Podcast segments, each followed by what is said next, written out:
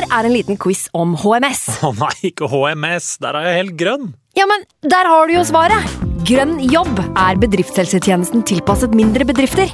Våre HMS-eksperter hjelper mer enn 8000 bedrifter over hele Norge med alt fra lovpålagte HMS-krav til pålegg fra Arbeidstilsynet. Få på plass bedriftshelsetjeneste på grønnjobb.no.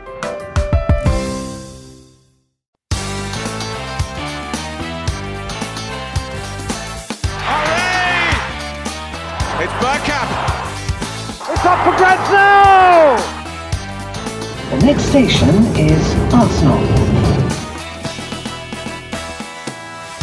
Signe husfreden og gratulerer med dagen, arbeidere. Det er Arsenal Station som er på ferde, med en duggfrisk og utapa episode på selveste 1. mai. For de av dere som ikke hytter med nevene og går i tog i dag, kan vi friste med en lattermild kanonade mot lutryggede og agiterte onkel Blå, nemlig Todd Bowley, som nå er nær ved å fullføre fotballhistoriens verste mageplask. Uh, som vi skal kose oss. I tillegg blir det tid til litt selvplaging, dessverre, når vi skal oppsummere et annet mageplask. City-fadesen og konsekvensene av det må vi dessverre rette lupen mot. Da passer det godt at vi har med oss en fyr som var til stede på Etiad, og bivåna det hele ringside. Sivert, eh, du har vært på tur med mor og far, faktisk. Jeg fikk eh, diverse oppdateringer underveis. Men jeg bet meg merke den første snappen, eller om det var på Twitter jeg så det. Sivert Pust da, med, med rød pyro, flares, midt på dagen i Manchesters gater. Ble, av mor stolt da, eller? Du, uh, mutter'n var på afternoon tea. Uh, de, de derre sølvfata med etasjer og noe, og gratis uh, cava-påfyll og sånn. Så hun var ikke på match. Men uh, det er klart, fattern uh, hadde Jeg kan ikke si han hadde sitt stolteste øyeblikk, uh, øyeblikk da jeg gønna, gønna blusset, altså. Det kan jeg ikke. Uh, kan godt ta, ta, en liten historie på det med en gang, egentlig, Magnus. For det var det vi da gjorde, meg og, meg og fattern. Det var meg, fattern, også for de som har hørt på episodene våre tidligere. Denne world famous bussjåføren som, som, gjorde meg til Arsenal-fan, og som da bor i Liverpool. Oss tre tok toget opp fra Lime Street på morgenen. Gikk innom Piccadilly Tap for å møte min eh, sikre, gode, fantastiske bortebillettkilde, eh, for å si, det sånn. da. han ga meg billettene, og vi hadde en liten chat, tok en liten pils. Eh, og vi har jo sånne klistremerker, ikke sant. De derre Red Mist Army-gutta, de har jo sånne derre Overland and Sea og ja, ulike klistremerker. Eh, jeg spurte egentlig han bare har du noen klistremerker til meg, så jeg kan pryde, pryde, Manchester? Så går han i Han hadde på seg sånn militærbukse nesten, eller sånn militærgrønn bukse, og så går han bare ned i en sånn litt brei lomme på buksa. Og så sier han sånn No mate, no mate, but uh, I've got this, I've got this. Drar han opp en sånn herre uh, pyrosak, da, holdt jeg på å si. En sånn som du drar i en sånn splint, og så, og så, og så går den, da. Fyrer den av. Uh, så bare sa jeg til fattern at uh, Faen, han eh, ga meg en sånn uh, greie, jo. Og så sa han ja, skal du ikke være litt forsiktig skal du ikke være litt forsiktig med den, da? Er ikke det, er ikke det litt dumt, da? Og så, sier han, og så blir jeg uh, tagga, da. Blir litt fyrt opp av han derre Tommy, da. Som bare sier at ja, kom igjen, da. Herregud, det er jo Jeg tok jo og fyrte opp en sånn her på Leeds borte, og jeg, jeg ble jo banna i tre år og må levere passet mitt på, på poststasjonen hver Europaliga-bortekamp. Europa men, men du bor jo ikke her, så du kan jo bare kjøre på. Så endte det da med at jeg dro i denne sprinten eh, på uteserveringa, eller altså i ølhagen på puben der. Det jeg ikke tenkte på, eh, var jo da, Magnus, at vindretningen førte denne røyken inn i puben. Eh, så hele puben eh, ble jo da eh, røyklagt rødt. Og det kommer to sånne bouncere ut da, og, og, spør hva, fa hva faen skjer her. Eh, da har jeg selvfølgelig rukket å chante Arsenal Arsenal et par ganger, og så satt den fra meg to meter bortenfor. Eh, gått tilbake inn på uteserveringa og stelt meg ved siden av fattern, og så sto sånn ordentlig som et tent lys. da. Eh, så det var ingen som fikk med seg at det var meg.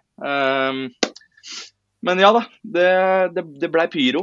Uh, og, det, og, og, det, var Jeg var litt oppesen litt oppesen før matchen der.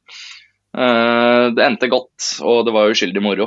kan ikke si det samme om kampen. Nei, den skal vi dissekere og slakte og dele opp i de bestanddelene som er etter hvert. Eh, jeg tenker vi først kan eh, fortsette den eh, glade passiaren her. Jeg syns det her var utrolig gøy å høre på. Jeg kan jo nevne for politiet i lokalmyndigheten at det ligger jo et bilde av Sivert med den blussen, hvis dere hører på. som er et tydelig bevis hvis det skulle hvis det skulle ha øh, vært noen kvelningsulykker øh, innerst i puben der, en gammel øh, feit fyr med store rød nese som har fått inhalert litt for mye av det. Men du reiser jo da til Manchester, Sivert. Ikke helsemessig helt tipp topp, for det første, og også uten billett. Kan du ikke ta historien om den fotballturen her? Jo, det, er klart, jeg kan det. Nei, altså Den kampen her skulle jo være alle kampers uh, store sønn, holdt jeg på å si. Det var jo, Narrativet var jo lagt opp, dette var den største kampen vår siden 2006. Uh, eh, altså dette, altså, det var noe man bare måtte få med seg. Og, og den ble jo bestilt en tur i forveien. Um, og, jeg, og, jeg, hadde på en måte booket tre billetter uh, hos, hos den kontakten min. Da. To dager før jeg skulle dra, så, så det, ender jeg jo opp eh, på sjukehus, holdt jeg på å si. Var ikke kjempefarlig, men jeg var jævla svimmel. Og så mens jeg lå på sjukehuset og nesten på en måte greid meg i søvn for jeg var så svimmel, så refunderer han da den ene billetten. Så den, to, altså den eh, fredagen før jeg da skulle reise på tirsdag, den var ikke, den var ikke jævlig cocky. Eh, men så kom jeg meg til hektene, da. Uh, prednosolon og magnesium og D-vitamin og C-vitamin. og Det er ikke måte på hva jeg stappa i, i meg de, de damene. Uh, og jeg, jeg kommer meg, legger ut en tweet. Uh, det, jeg skrev at jeg reiste uten billett. Det stemmer ikke. Jeg reiste med to av tre. Uh, men, men, jeg sto uten. For den var jeg veldig fast bestemt på at når fattern og han Matt skulle bli med, så måtte de på en måte får førstepri. For jeg har jo skrytt så mye om at uh, billetter det er ikke noe problem for meg og sånn hjemme da, til fatter'n. Så jeg legger ut en tweet. Kan noen bare ordne meg billett, vær så snill, vær så snill, vær så snill. Og den blir jo retweeta opp og ned og venstre og høyre, da. Så får jeg nyss igjen. Jeg får nyss igjen billett. Vi ble enige om cash in hand, fordi bortebilletter er papir. Det er jo ikke Hvorfor skal du gi penger til noen før du mottar det? ikke sant? Det er jo mm scamming ABC. Problemet da er at det avtaler vi på Torp, og så går det 48 timer før jeg er i Manchester, og han har enda ikke lagt, hørt noe lyd fra han. Ikke noe lyd i det hele tatt. Ja, det er vondt. Um, og jeg har ikke brukt ham for heller, for det var jo bare en fyr som jeg uh, så fant via, via, via, via på Twitter. Ikke sant. Um, det som da skjer, er halvannen time før kickoff på Etiad, så sender han meg en sånn pinpoint på uh, WhatsApp. Og det var da en um, sushirestaurant i Manchester. Uh, jeg, da, da, går jeg bare og praier nærmeste drosje, selvfølgelig. Uh, sier at jeg skal til en sushirestaurant. Uh, drar inn der. Og der har jo han bestilt tolv sånne nigri-ruller til meg og en Asahi. Og så ligger det en billett der, ligger en billett der og, og, og alt mulig, da.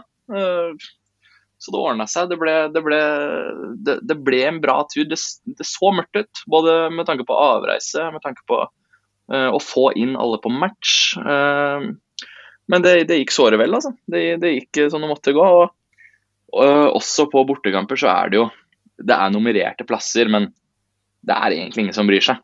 Sånn, altså, du, du, står litt hvor du vil. Det er liksom det er litt sånn uskreven lov. ikke sant? Uh, og jeg stelte meg ved siden av fattern og, og Matt, og de, de, er jo ikke på så mye matcher, så de tenkte at nå, nå, blir det jo, nå blir det jo helvete, og nå kommer det noen og sier 'hvorfor er du på min plass', og, og, og sånne ting. da. Uh, det som da skjer, er at det kommer fem karer uh, bort som har fem på rad der vi står. da.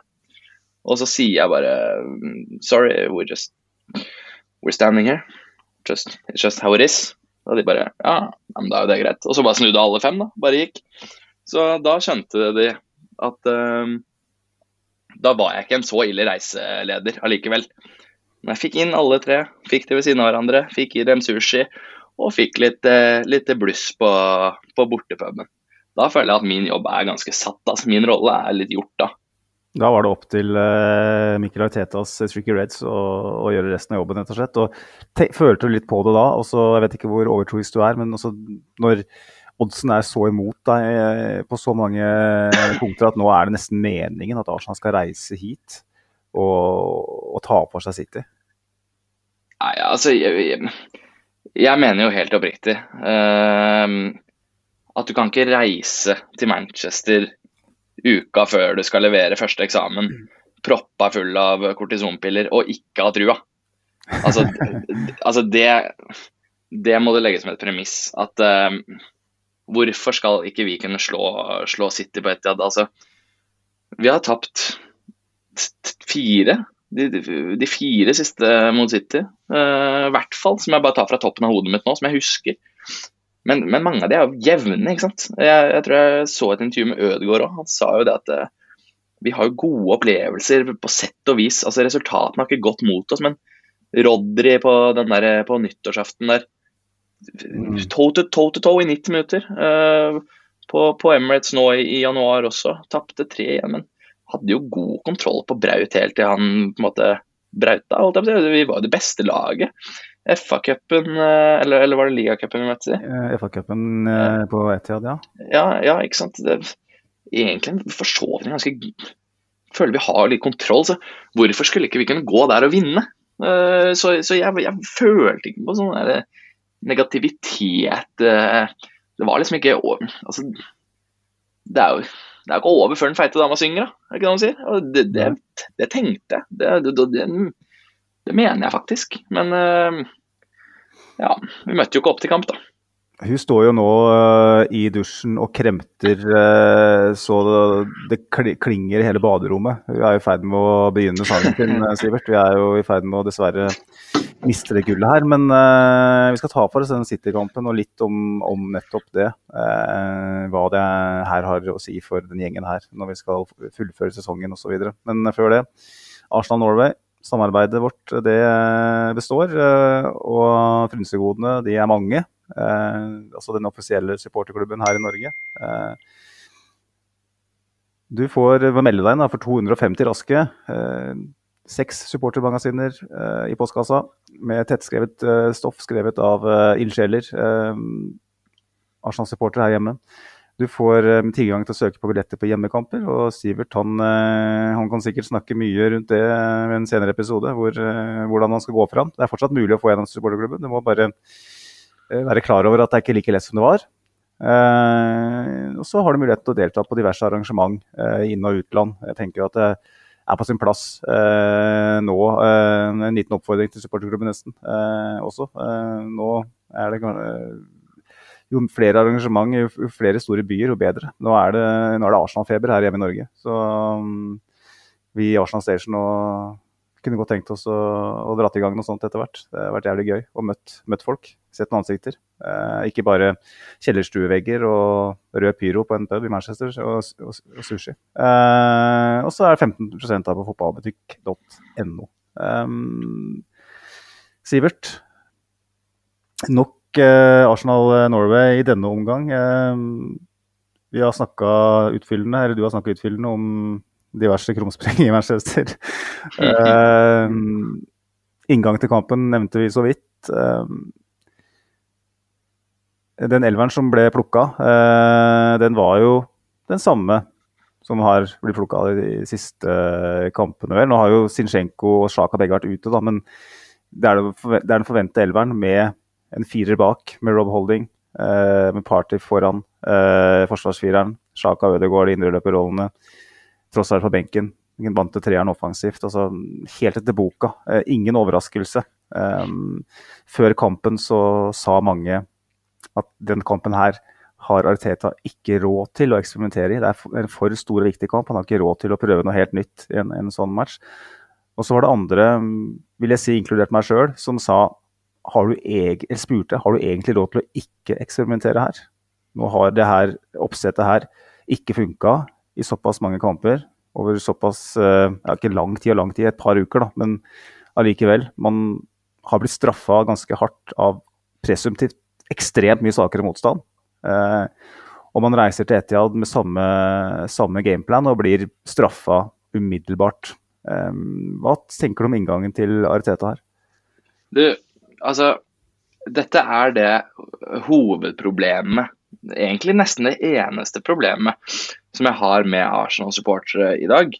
Det er at alle skal krangle hele tiden på Uh, og over Arteta. Uh, det, det, blir en liten uh, Jeg kommer til poenget her. Men poeng Altså Det må være lov å tenke at begge kan ha rett, på en måte. For jeg føler at det er så veldig Nordpol og Sydpol, dette med Gjør Arteta Skal han ha masse kreditt for å ha fått oss opp av gjørma, opp på første- og annenplass, og, og, stå last og brast ved det som har funka, eh, og, og, og, gi tillit til gutta som har hatt tillit og for så vidt fortjener tillit.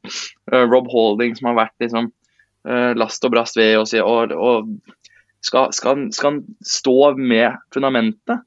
eller, eller fortjener han kritikk for å være litt naiv, litt defensiv i inngangen?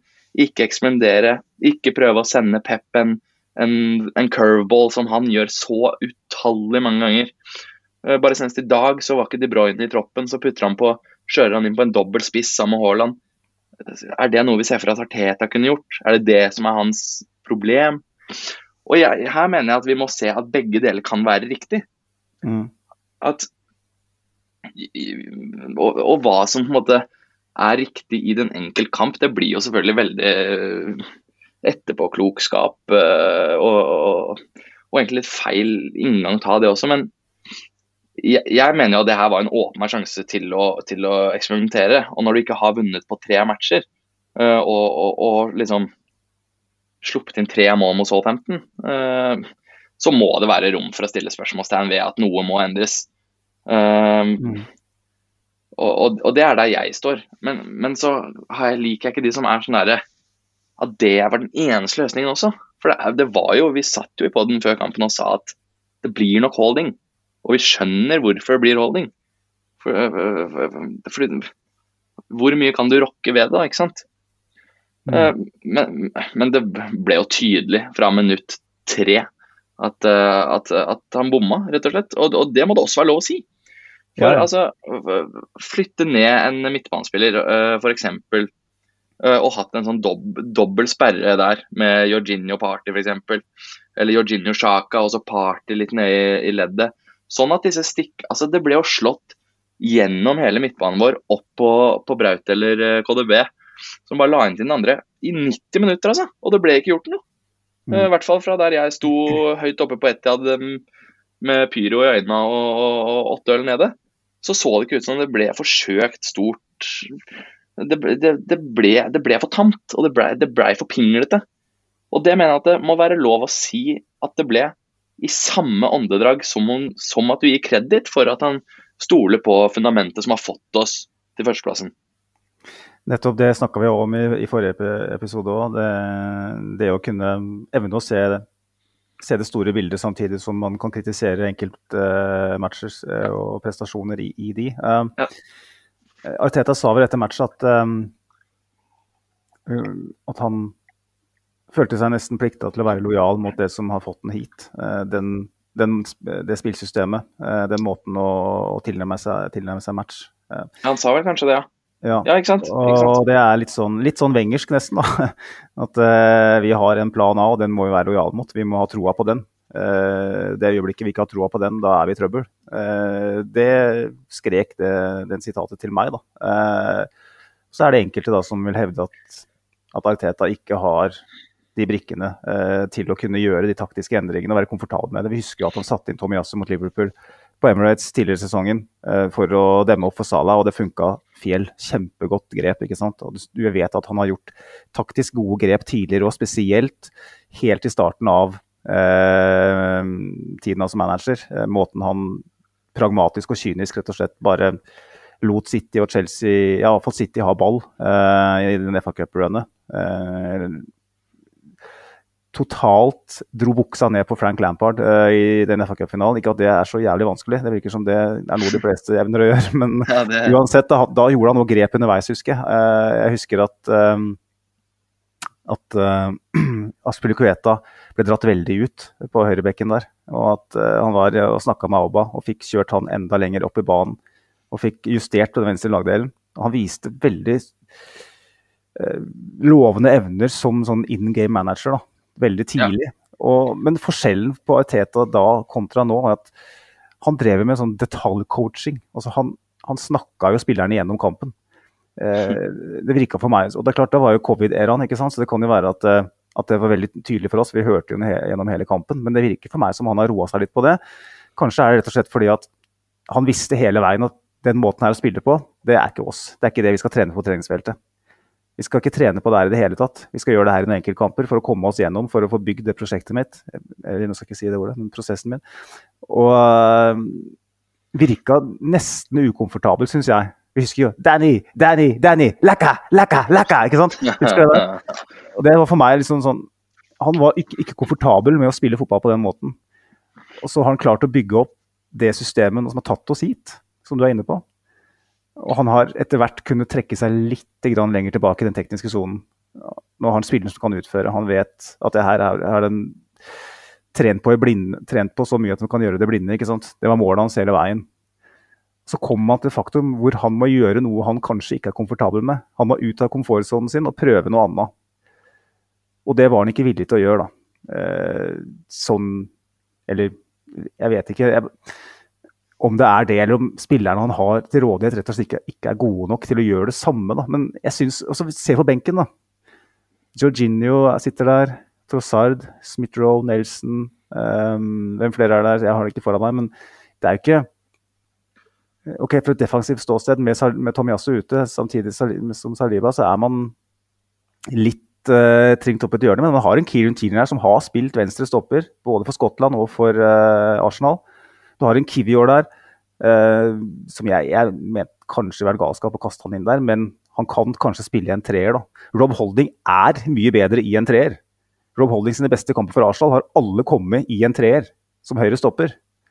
Eh, man har en Thomas Party som har spilt høyreback fra Atletico Madrid. Man har en Jorginho som har spilt masse finaler og store kamper for Chelsea, for Italia, you name it. Som kan gå inn i den dype midtbanerollen eh, og gi oss mer kontroll. Du har en, eh, en Trossard som er mer komfortabel med å holde på ball, som spiller med litt mindre emosjoner. Du har flere grep du kan gjøre, sånn jeg ser det. Eh, er jeg da eh, Er det for lett for meg, Sivert, å sitte og si det, kanskje? Eller, eller tror, mener du at, at den unnskyldningen blir litt for veik, at du liksom ikke har spillerne til å kunne gjøre den taktiske endringen i en sånn match? Nei, altså jeg mener, jo, jeg mener jo at dette med at Arteta ikke har en plan jeg sier ikke at du sier det, men dette med at Arteta ikke har en plan B, at han, eh, at han er sta eh, Jeg mener at det er oversnakka. Mm. Altså, han, er, han har hendene bundet. ja, som du sier, Jorginho, Party Alle kan gjøre en jobb. Tierney. Men dette, dette, er, dette, er, jo Det er ikke bærekraftige endringer. Ja, det kunne kanskje funke over 90 minutter og sånne ting, og det får vi aldri vite. Men men det er jo ikke noe vi skal på, på langt nær uh, gro fast ved. Og, og, og, med både Tomiyasu og Saliba ute, så bare han, han, han, han har jo på seg håndjern her, her, da. Ikke sant? Uh, hadde han, hadde han starta party på høyrebekk og, og Jorginho på midten, sånn som vi alle skrek etter, mm. og Jorginho hadde på en måte vendt som en traktor og blitt spinnet av, eh, av De Bruyne på den måten som ja, alle andre ble, så hadde vi jo bare sagt uh, at uh, hvorfor endte Jorginho? Han var jo 33 år og ferdig, ikke sant? Mm. Uh, ja, men for det er jo så reaksjonære folk er. Ja. Uh, det, det, hadde vi, det hadde vi hørt. Altså Så Altså Vi må bare lære at uh, ingen Ødegaard for Arsenal, f.eks. Så er det Fabio Viera. Og, og, og, altså Ingen Saliba, så er det Holding. Ingen, ingen, som jeg sa i stad, ingen De Bruyne for City. Så er det rett inn med VM-vinner Alvarez. Altså, vi kan, vi, kan, vi kan ikke konkurrere med City-laget her. Eh, det, det, det, handler nesten ikke om naivitet eller taktikk i det hele tatt. Altså, denne sesongen så har vi vært 247 netter på toppen av ligaen. City har vært 14. Og altså, at det snur nå på tampen er selvfølgelig helt fucka surt, men det har ikke noe med Arteta sin stubbornness å gjøre. Det, det, det, det, mener jeg i hvert fall. Uh, ganske ganske uh, klokkeklart. Uh, vi, vi, vi, skal ikke kunne konkurrere med, med sitt lag her. Og jeg beklager at jeg drar ditt veldig enkle, spesifikke spørsmål inn i disse store linjene hele tiden.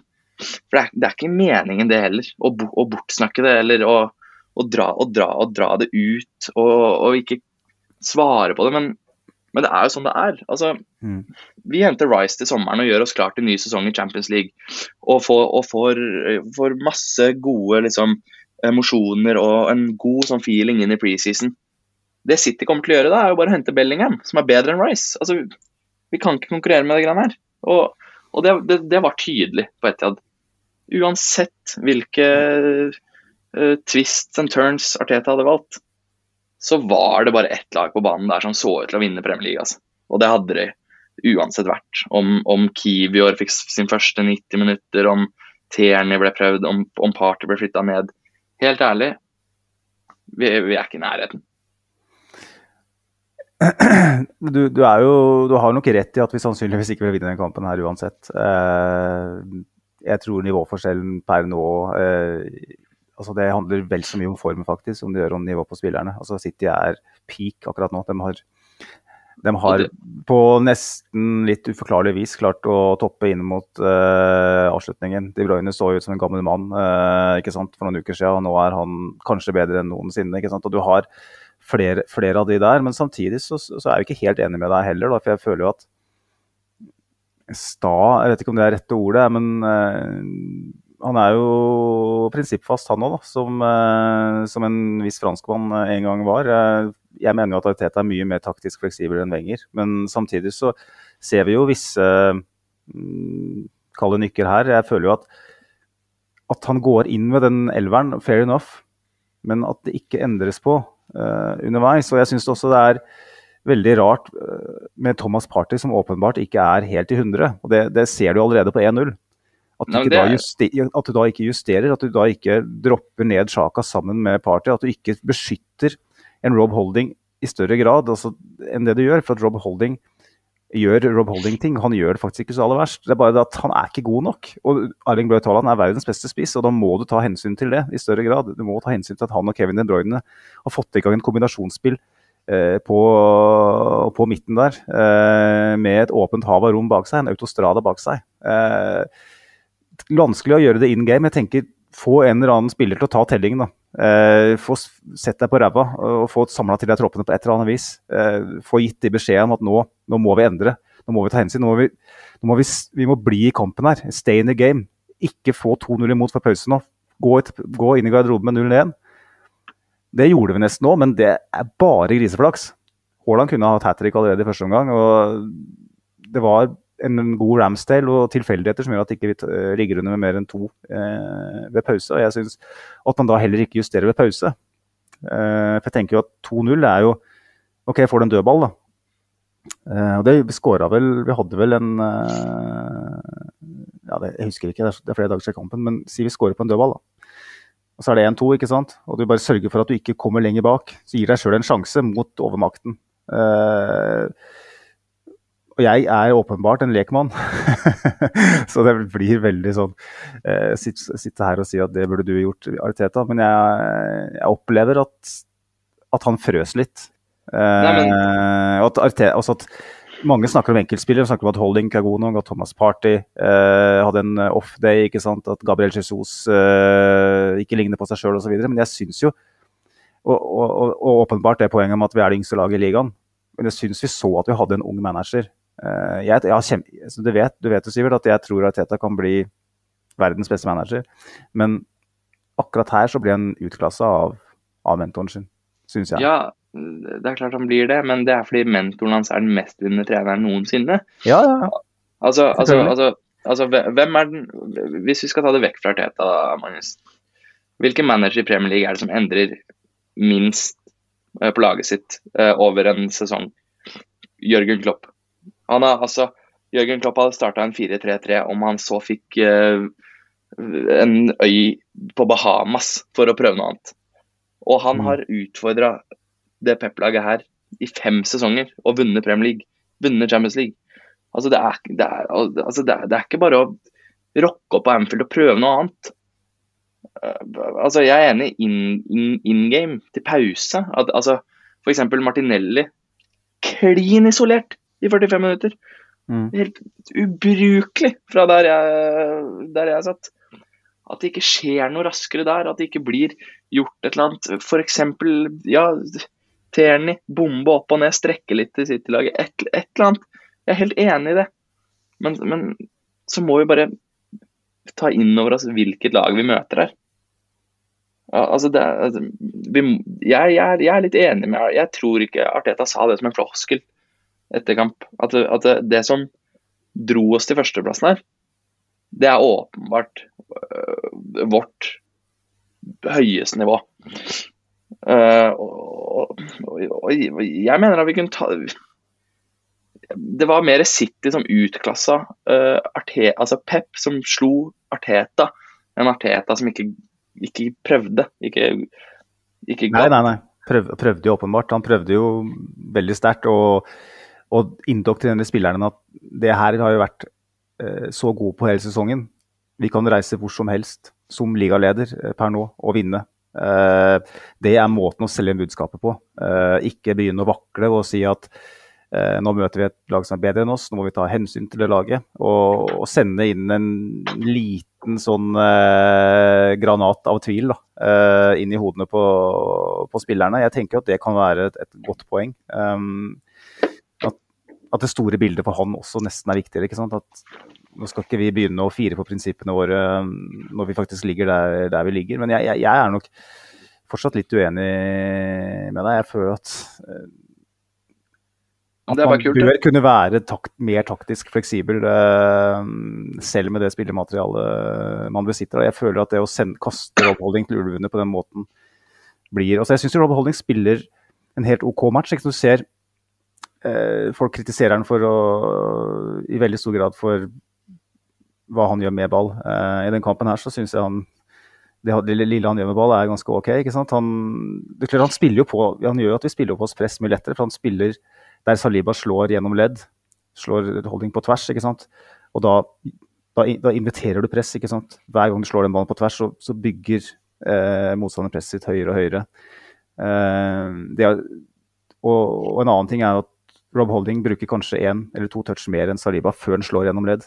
Eh, Saliba han vender opp, slår gjennom ledd når det fortsatt er, er ubalanse. Men jeg syns Rob Holding, tross alt i den kampen her, spesielt i første omgang, slår i hvert fall to-tre pasninger gjennom, gjennom ledd der. Så det er jo først og fremst det defensive i den kampen her som blir, uh, blir problemet hans. At han, han, blir bedt om å gjøre litt samme som han ble bedt om mot Tottenham. Uh, han ble ikke beskytta altså Tottenham i, i, fjor, da, på samme tidspunkt, uh, mot sånn. da hadde han jo et gjørmekake av en defensiv fire rundt seg. Da. Men uh, den gangen her så har han jo ganske OK spillere rundt seg, men med en Thomas Party som virker å ha vært på stranda og drikke paraplydrinker før match. Uh, og da uh, ikke mer beskyttelse enn det for midten. Sånn at når For å ta det 1-0-skåringen til City, da, så er han oppe i, i braut der. Det er jo instinktet hans, ikke sant? sånn som han jager. Eh, kanskje er det riktig å gjøre, men når Thomas Party da ikke er i nærheten å følge Kevin De Bruyne eh, altså han, ser, han jogger, eh, ser det nesten ut til. Han har ikke eh, kapasitet til å følge. Altså han, han, Rob Holding får Og så har du en Gabriel selvfølgelig da, som blir tvunget til å ta et valg. da. Skal jeg løpe inn og, og, skytte, og beskytte den vinkelen? Skal jeg løpe ut? Så løper han inn, så går De Bruyne på høyresida. Eh, det er for enkelt, ikke sant? Det er altfor enkelt. Uh, selv, om det er, selv om det er kjempegenialt fra Guardiola. Kjempe Altså verdensklasse. både fra altså, Det er jo helt og, sinnssykt av Haaland. Det, det, er det. det, er det. Uh, men jeg føler jo at gjennom kampen så gjentar det seg. Og det var liksom det som var når vi, vi satt i den podkasten her for to måneder siden og snakka om at eller ikke to måneder siden, for å si en måned siden, når Saliba ble skada, at det går greit, det. Så lenge vi slipper å rulle den ut på Anfield, Etiad osv.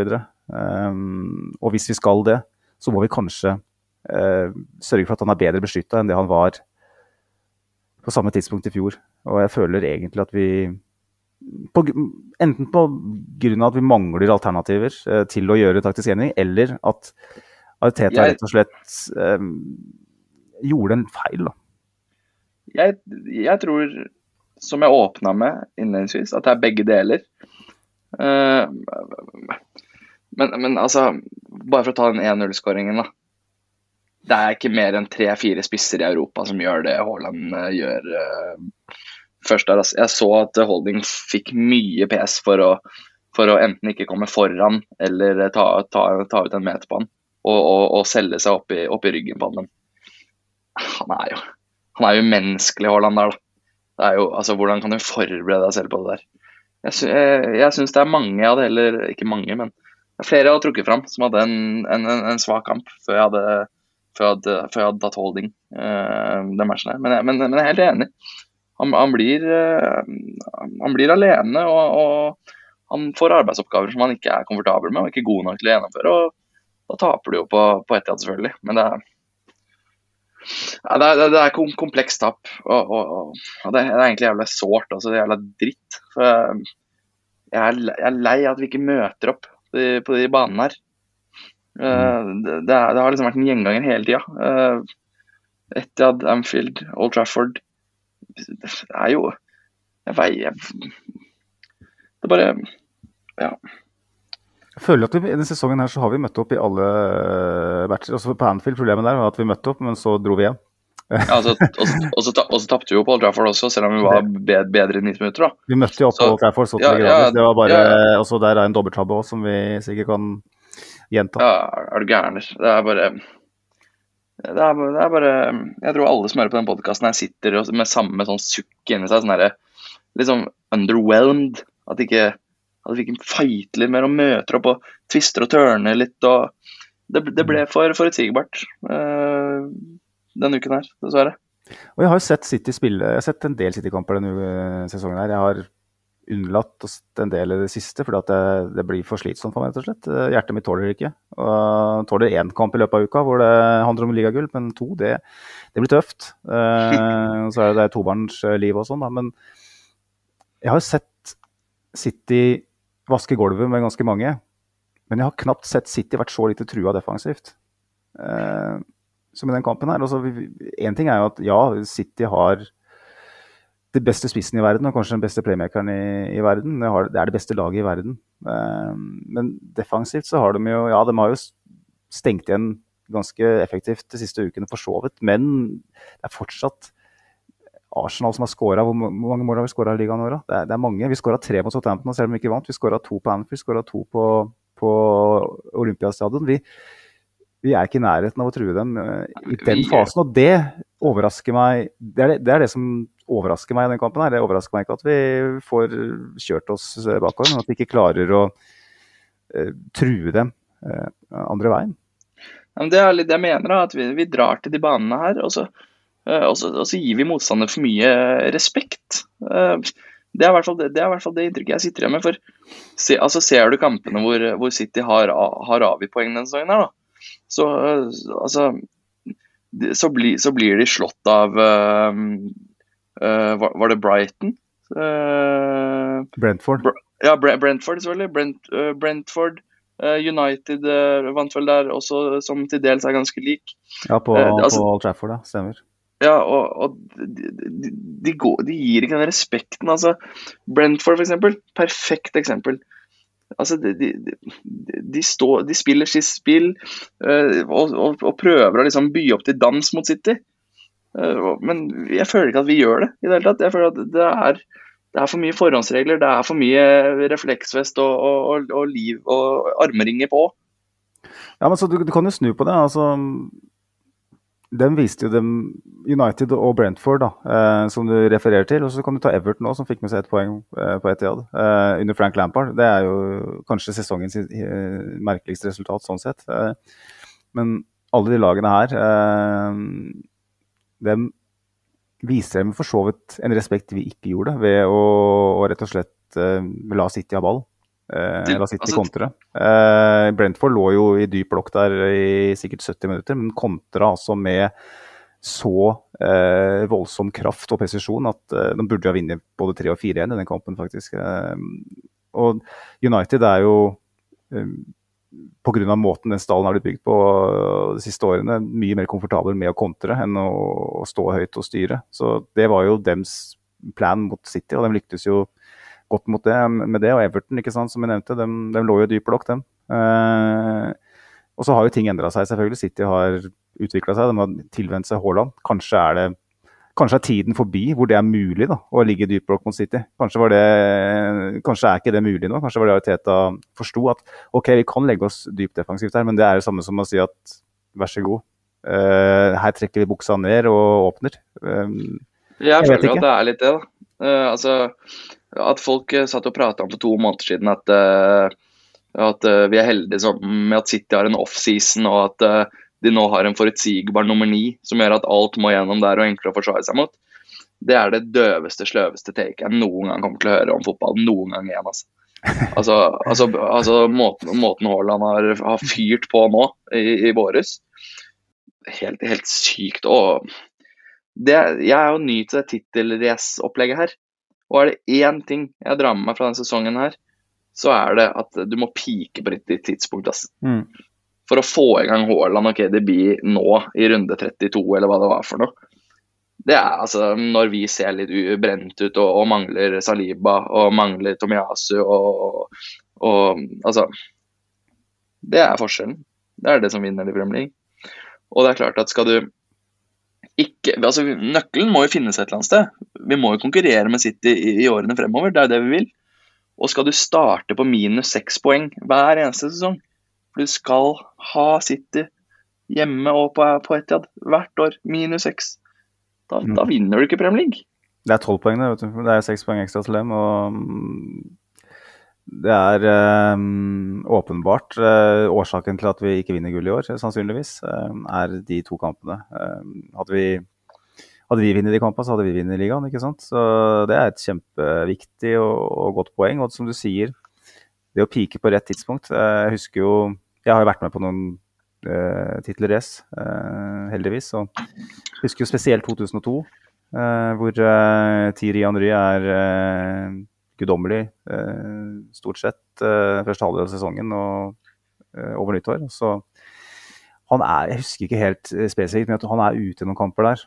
Han mister jo bl.a. den kampen hvor vi avgjør eh, på Old Trafford.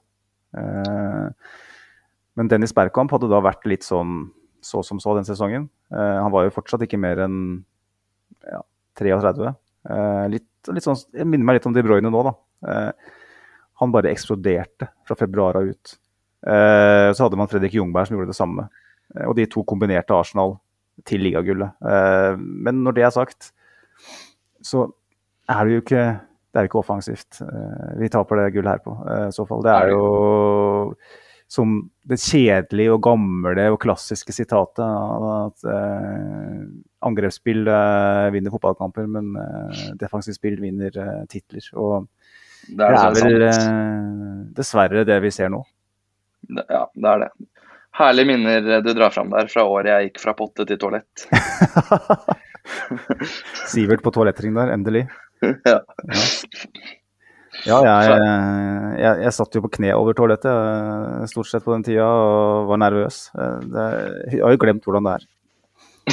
ja, nei, det er, eh, det er, hygg, det er, det er, hyggelig å være med og, og, og kjempe om ting. Da. Og, og, og ha en, noe å følge med på, noe å glede seg over. Altså, jeg, det er ikke like gøy å være på 7. og 8. plass og tenke at hvis de taper de neste to og vi vinner de neste to, kan vi kanskje komme topp fire. sånn. Eh, da må du gjerne spørre QPR-onkelen min. Eh, han liker ikke å være på, på 17. plass i championship.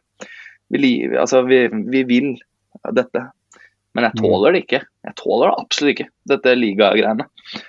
Det blir deilig å få en, en Åh, jeg skal kose meg så mye på tirsdag. Jeg tror jeg skal bestille noe kinesisk på Foodora. Og så skal jeg sette to, uh, Arsenal minus to på Norsk shipping. Og så skal jeg bare ikke tenke noe konsekvenser, noe, noe rør. Og så skal jeg bare se oss ydmyke Chelsea. Og så skal, skal, skal, jeg, bare ta det med ro. Dype pust inn og ut. Mm.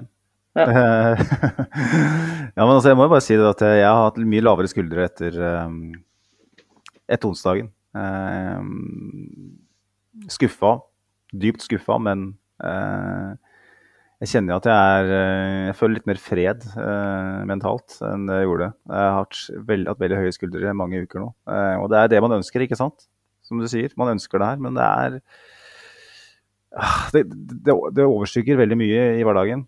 Og um, vi er jo på en måte en sånn setting da, med Arsenal per nå at fordi at vi ikke forventa noe som helst før sesongen, altså sånn utover, utover det å kvale til CL, så, og vi har det yngste laget i ligaen, alt det der store bildet som folk mestrer om. Det finnes jo ikke et eneste debattinnlegg på Facebook eller Twitter som ikke starter med at vi må huske på at vi ikke drømte om gull før sesongen. Jeg er jævlig sliten av det, faktisk. Men, poenget, men, men akkurat i det, i det, poenget jeg prøver å kreere her, så, så er det valid, da. Fordi jeg tror vi Vi er skuffa, ja, men vi, vi kjenner jo på det at det her er bare starten, ikke sant. Vi, det er ikke sånn at Sånn som Tottenham uh, ville, ville følt det da, hvis de hadde vært i samme situasjon. Du har en Kane og en sånn som på en måte er peak. Ikke at sånn er det denne sesongen, her, da, men du føler at de er i en sånn alderssegment som gjør at det er nå eller aldri.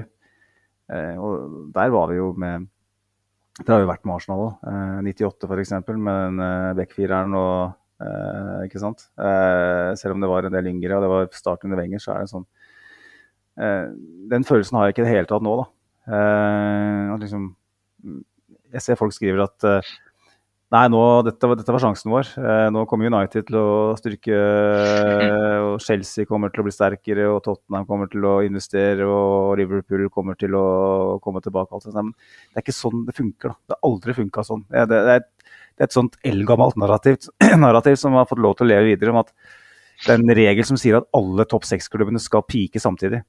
Det har aldri skjedd, og det kommer aldri til å skje.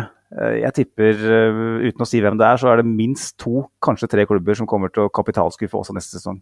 Eh, sånn at det der snakk om at det her var sjansen vår, det kjenner jeg ikke på i det hele tatt. Og derfor så er jeg litt sånn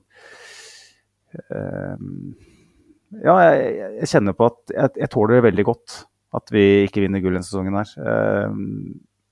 Det er, et, det er en setting som gjør at jeg kan akseptere det og gå videre.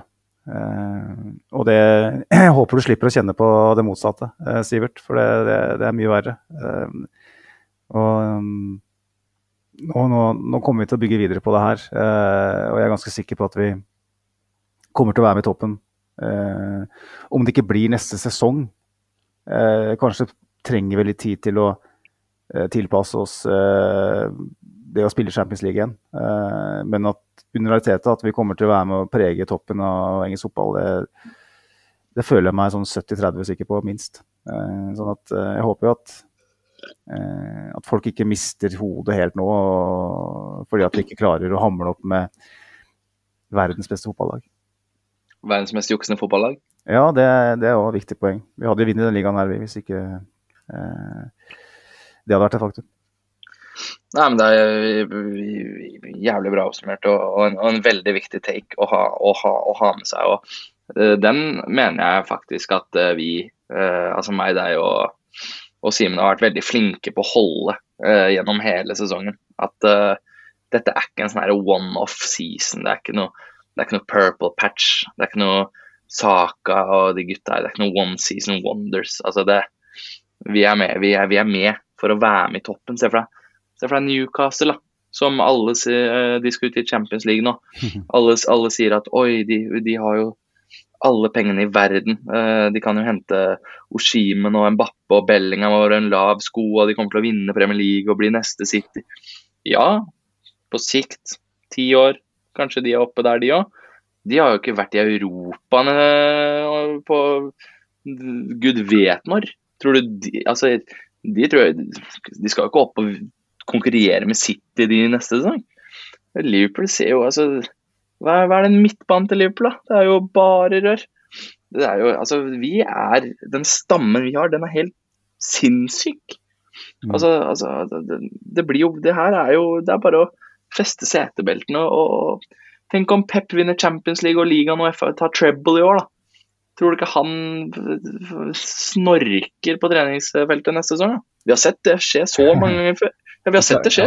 Ikke han, tror jeg, men ja, jeg, jeg, tar, jeg skjønner poenget. Spillerne vil kanskje slite med å ha samme Tror du, tror du Grealish er sulten da, eller? Jeg, jeg tror han har løfta Big Airs og Premier League i løpet av en uke.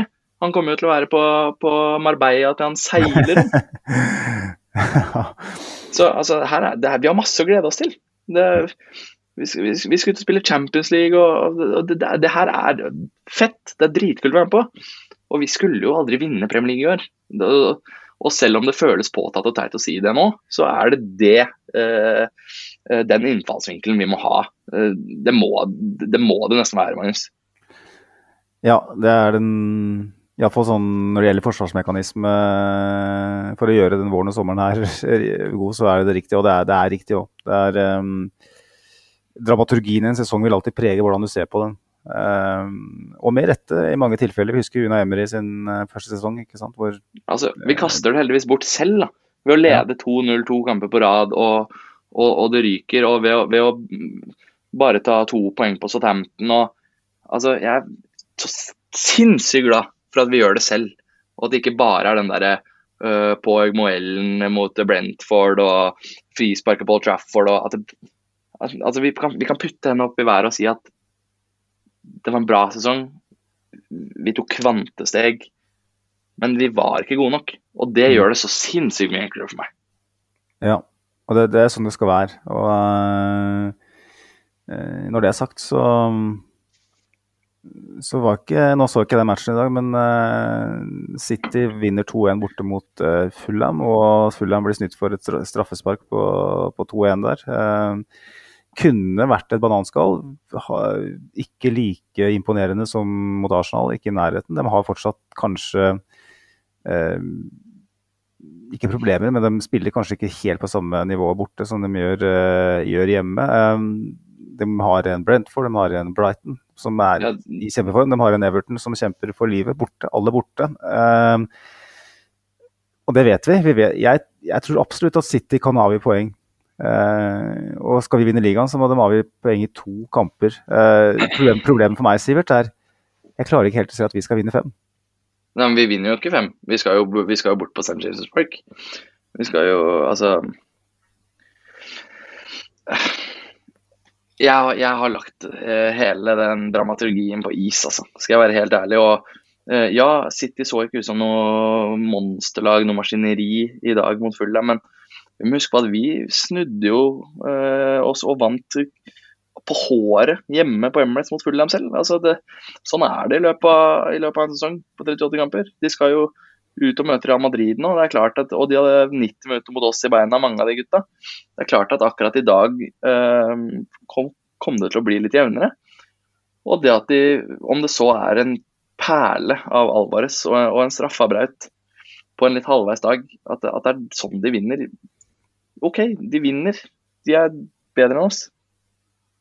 Ja, men poenget mitt er jo i mye større grad Arsenal enn City. Jeg, jeg tror jo fort City kan avgi poeng. Jeg tror Brighton borte er en kamp hvor alle i jo, Europa jo, kan, er... kan avgi poeng. Og så, så diskutere City er nesten, er nesten fånyttes, da, for meg. Men orker du å sitte i tre uker nå og, og satse på at vi Nei, jeg satser ikke noe som helst, jeg, Sivert. Jeg bare snakker om at vi, vi har slått Chelsea på tirsdag, så leder vi Premier League. Eh, så vi kan ikke unngå å snakke om det. Eh, vi, må, vi må snakke om det. For gjør vi vår del av jobben, så tåler ikke City uavgjort mot Everton og tap mot Brighton. ikke sant? Og med alle de momentene du er innom med, med Real Madrid og, og, kamper i beina og sånne ting. og det spillet fotball tross alt er, som er marginalt, hvor en dårlig avgjørelse kan vippe lasset eh, i en jevn kamp. Eh, men problemet mitt, da, som jeg sier, grunnen til at jeg ikke drømmer lenger, men heller eh, Eh, nærmest resignerer, eh, det er jo at hvis vi skal klare å snu den skuta her nå åpenbart uten Saliba. Nå ble det vel bortimot bekrefta av David Ornstein at han er ute resten av sesongen. Kanskje er det så enkelt som at Arsenal prøvde å få han klar til City, men når de ikke klarer det, så tenker de at OK, da er det heller ikke verdt det Eh, fordi at skaden er såpass alvorlig. Eh, at det, det, er ikke verdt å, å potensielt gjøre noe verre eh, foran en, en, ny sesong som, hvor Saliba skal fortsette å være, være riktig. Da. Men hva Hvis vi da skulle slå Chelsea nå, da eh, eh, Hva tror du det gjør med, med stemningen? Tror du, tror du, at det er at folk vil igjen begynne å liksom tenke at nå er vi tilbake på hesten? Det kommer litt an på hva, kanskje hva, hva Teta gjør. Om det, om det kommer en kall en taktisk endring som frisker opp ting og, og, og, gjør at man ser at her er det noe på gang som gjør at vi kan, vi kan vinne de, de kampene. Da. Ja, og altså, da må jeg bare si at da, mis, da misforsto jeg teknikken. For jeg trodde at du mente uh, hvorfor vi nå skal uh, på en måte uh, drive og, og, satse på at City avgir poeng og sånn. Men jeg mener jo, for å svare på spørsmålet ditt nå, for en gang for alle De første ti minuttene uh, på, på, på, tirsdag mot Chelsea kommer til å fortelle deg alt du trenger å vite om hvordan de neste fem kampene kommer til å foregå. Mm. Fyrer vi på alle sylinderne, ser vi ut som vi har, har plukket opp hanskene her, up for grabs er, er, er like bevegelige, uh, ordentlig på og skikkelig påskudd som bare Arsenal kan være. Uh, og, vi, og, vi, ser gnisten i øynene på gutta. Ødegaard som har vært svak i tre kamper nå, skikkelig tar tak i kampen da er det klart at det kommer til å spre seg. Det er klart at Vi må jo bare vinne fem av fem. Det, eller altså gå inn med den tanken. Og, og, og starter det positivt, og så, så, så, ser vi bare hvor det bærer hen, selvfølgelig. Og det kommer jo til å smitte øh, på en. Men, men, ser det nervøst ut, ser det gitt opp ut, ser det Jeg skal ikke si giddalaust, for det er, det er en sløv take. Men altså, ser det Ser du, ser du som gnisten er borte, da. I åpningskvarteret mot Chelsea da mener jeg da, da, er, det, da er det ferdig. Eh, her, her, må, her, her, trengs det en reaksjon etter flere, etter flere kjipkamper. Og jeg håper han rocker på laget. Jeg, jeg håper som sagt Rosal kommer på. Jeg håper vi får se disse, disse, endringene som vi har snakket så mye om. Jeg håper Reece Nelson kanskje får en halvtime istedenfor ti minutter. Han, han, fortjener det. Jeg håper vi får se at dette laget spiller ikke Det settes ikke seg selv på et ark. Det skal spilles, og det skal fortjenes og, og, og man skal fyre hverandre opp. Alle, alle 22 spillerne, eller hva faen vi har for noe. Alle skal være Alle må være uh, med på det her nå. At, I hodet vårt at det er fem matcher igjen. Og, og, det gleder jeg meg til å se hvordan vi responderer på. Altså, for det er, det er en av to for meg. Hvor viktig er det da, Sivert? Um, si at City gjør jobben i,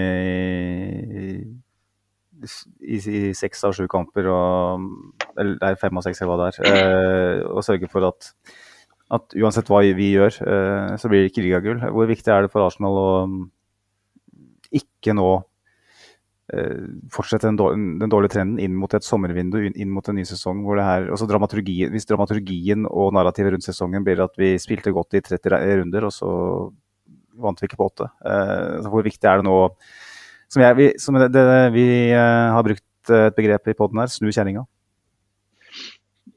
Veldig viktig. Uh, men altså Sånn, hvis du tenker på uh, spillerlogistikkmessig, så blir det jo mindre viktig, selvfølgelig. Uh, med tanke på, på en måte Vi skal jo spille Champions League uansett. vi skal jo få en lang preseason uansett med, med de samme spillerne. og, og Uh, vi får jo samme tabellposisjon og sånne ting. Men det lille ekstra kneppet, det lille mentale edgen, som er at å, fy faen, vi mangla tre, tre, poeng på City, eller to poeng på City. Nå skal vi faen meg ha en sinnssyk preseason og skikkelig fyre hverandre opp, da. Vi var to Sånn som altså uh, Liverpool hadde jo Dette har jeg sagt mange ganger i poden. Liverpool hadde jo ligaen wrapped up. De, de hadde jo vunnet allerede og så plutselig vinner eh, City 16 på rad og, og, og, får ett poeng mer enn de. Uh, altså det sesongen etter vinner Liverpool ligaen. For det er, altså, det er Liverpool la seg ikke ned for å dø, de. Spilte sitt spill og var dritgode i 38 matcher. Sitter og bare litt bedre. Og det mener jeg er en vesensforskjell på å uh, gå på et par smeller rundt uh, i, i, april, og så på en måte miste det eller å, å fighte inn i 38 runder og få 84 poeng. Da. Eh, det, det er en vesensforskjell for meg. Mm. Ja, det er jeg helt enig i. Um, det er noe med måten man selger inn Arsenal til uh, omgivelsene, og ikke minst de man eventuelt håper på å signere. Uh, det kan jo være at vi havner i en situasjon hvor vi kjemper med United f.eks. om en, en signatur. Uh, kanskje til og med City. Hva, hva, forteller de siste to månedene av sesongene om, om den spillergruppa her, og om, om prosess av Teta? Jeg tror det er viktig å viktig å ta med seg vinden i seilene. Fotball er, handler veldig mye om momentum. Det er klart det er pause på et par måneder, men det er fortsatt viktig å ha momentum inn i sommeren, momentum inn i en ny sesong. Ehm, så veldig viktig at vi, at vi plukker opp hansken nå. Og det er jo, som vi har vært inne på tidligere, i tidligere episoder, det er kun én av elleve eh, i førsteelveren som har vært ute over lang tid nå. Ellers er alle, alle fit. Eh, så har du Tomiyasu som på en måte gjør at det blir et tramp i klaveret der. Eh, litt uh, troll i trompeten, sånn sett. Og, men poenget er at vi har 10 av 11. Eh, det skal være mulig. Så fremst man får tilbake energien og troen på det. Eh, og feie et eh, Chelsea av banen og feie et eh, Wolverhampton av banen som er på stranda. Ikke, og du vet Nottingham Forest har vi igjen. ikke sant? Det er lag som Det, det, det kamper vi skal vinne. og får vi si 9-12 poeng med, eh, i løpet av de siste fem, så, så går vi inn i, i sommeren med ståltro på, på, alt som er. Men skulle vi si vi ikke vinner en kamp til, så, så, så vil det Det gjør vi jo. Det gjør vi jo. Det er jeg ganske sikker på. Vi vinner iallfall mot Wolverhampton eh, når vi er til stede. Siste serierunde, ikke sant. Men, um, men jeg tenker vi, vi, har fått et spørsmål fra, fra Henrik Tveter på Twitter angående nettopp det med det vi akkurat har snakka om. Eh, han spør er jeg den eneste som er bekymra for andreplassen. Ser ikke helt at det skal bli mange poeng de siste fem. Uh, ja. ja, han er det. Det er jo mm. ti poeng, det er jo ti poeng, det er ti poeng ned. Ja, men, han, ser, han, ja, men han, ser, han, skriver at han, ser ikke helt at det blir så mange flere poeng i de siste fem kampene. Altså, han er redd for at Newcastle United skal, vinne bortimot alle. Og jo, men vi slår, ja, vi slår jo Wolverhampton og Forest. Altså, vi, vi skal ikke på tredjeplass. Nei, jeg tror ikke det heller også. Men uh, det er spørsmålet han stiller, da. Uh, ja. Og, uh, Nei, ja, men jeg kan ikke svare for om han er den eneste, men jeg er ikke det. Nei. Altså, vi, vi, enten så vinner vi fem av fem og har litt the luck of the draw og vinner Premier League, eller så seiler vi inn på en veldig komfortabel annenplass og skal ut i og, og veldig tilfreds med det. altså. Det blir ikke noe, nei, det blir ikke noe tredjeplass, eh, slik jeg ser det. altså. Nei. nei jeg må jo, må jo svare ærlig òg. Ja, men det er bra, det. Uh, det her er ikke påtatt positivitet, uh, det vet jeg. Det hater vi begge. Men, nei, det, nei, det, er det ikke, altså. Nå har vi snakka litt om om nettopp det å avslutte sesongen så sterkt som mulig. La oss dra det ned på makronivå og fokusere på det som skal skje om et par dager. Eller når dere hører på, om et døgn, eh, hjemme mot eh, Chelsea. Eh, et lag som har igjen Arsenal, United, City og Newcastle borte, og som har 39 poeng. Har en Bournemouth som er i kjempeform, og Nottingham Forest som kjemper for livet. Hvis Chelsea taper resten, nå har de fem, fem strake tap, skåra ett mål på, i løpet av de fem kampene, taper de de siste seks, kan de faktisk rykke ned. Uh, det er synd du ikke går ned med 39 poeng lenger. Det gjorde du jo før. Ja, det skal kanskje litt til, men uh, who knows, altså. Uh, jeg ser ikke helt hvor den neste seieren skal komme for Frank Lampard. ser, Nei, altså, er, du, er, du i det hele tatt bekymra for altså, Du snakker om en mentalitet, men det, det finnes jo ingen unnskyldninger for at Arsenal-laget her skal være så skjøre mentalt at vi ikke klarer å ta, ta oss av Premier Leagues per nå svakeste lag. Altså for det første så kan vi ikke sitte og prate om at uh, vi ikke skal se hvor våre poeng skal komme fra, og så samtidig tro at Bournemouth, Wolverhampton, Westham, Leeds, Forrest og Leicester skal få over ni-ti poeng på de siste seks. Altså, Chelsea går ikke ned, selvfølgelig, men de ser jo totalt tannløse ut. da. Og jeg kommer til å ha handikap på oddsen her. Jeg. jeg tror vi kommer til å skikkelig uh, bounce back, altså. 4-0. Altså, det, fy, det Chelsea-laget jeg ser jeg, har jo et par Chelsea-fans uh, som kamerater etter, fra, fra, tiden min i London, og jeg, jeg mobber dem ikke lenger, altså. Jeg Det er helt sykt det de holder på med der. Og hele dritten er så jævlig råtten. Eh, det er, det er jeg, jeg, har ikke sett på så mye Chelsea-matcher jeg egentlig gjør. Jeg bare får med meg de resultatene, og de hangler så sinn... Altså, nei, altså Her koster jeg ikke på meg å være nervøs, altså. Men så, er det klart, men så er det klart at når du har klassespillere som i enhver posisjon, og liksom Enzo Fernandes og, og Chao Felix og plutselig får kan starte start og skal vise seg fram etter vi bydde 80 millioner pund. Det er klart at dette er, dette er, klart at det er spillere som kan møte opp i 90 minutter, og det kan bli en hard kamp. Men inngangsmatchen mener jeg den skal jo være objektiv. Altså, eller, altså den, da har du jo et fakta du skal forholde deg til, da. som form, uh, innslupne mål og, og, og, XG og XG imot og uh, ball og pasninger og skader og alt det her. Og summen av det er jo at vi er jo kjempefavoritter. Det, det, er det ingen tvil om. Og uh, når vi ikke slår Southampton uh, hjemme, som er um, tabellmessig det svakeste laget i, i ligaen, så, og hvis, slår, hvis, vi da heller ikke slår det som er det svakeste laget i ligaen akkurat nå, uh, formmessig, så det er klart da da er det noen røde lamper som kanskje begynner å, å, blinke litt, og jeg er ikke så veldig redd for det. Uh, men det er litt, litt, det som jeg ser på som en utfordring, er at Chelsea i kraft av å være Chelsea med de, det stjernegalleriet de har, uh, har møtt mange bunnlags- uh, og middelhavsfarere som uh, har tatt hensyn til dem, med vel vitende om at hvis du ikke gir dem noe rom, så har de ikke noe spiss. ikke sant? De klarer ikke å straffe deg. Så klart Hvis vi gjør samme feilen som er gjort i haugevis av kamper, med en, Joao Felix og en Mudrik og, og den type spillere som er gode i omstilling offensivt, så kan vi bli straffa. Eh, så jeg håper at Arteta eh, Den endringen, taktiske endringen som vi har snakka om nå i hele episoden, den, hvis den skal komme, så, så er det rette tidspunkt at den kommer på for å, for å friske opp. For å bygge et slags fundament for resten av sesongen. Gjøre noe som gjør at vi kan komme oss helberga gjennom uten å Vi har en Newcastle borte. det akkurat nå så er det den nest vanskeligste matchen i, i ligaen etter City. Uh, og vi har en Brighton hjemme, og Brighton er i kjempeform. Selv om de faktisk klarte å tape mot Forest, da, det skal sies. Men det er et godt, veldig godt fotballag. Så Chelsea er, det er kampen. Det er nesten en slags generalprøve, en øvingsarena, hvor, hvor Arsenal må finne på noe nytt. Uh, ja, definitivt. Men uh, Og så er det jo ja.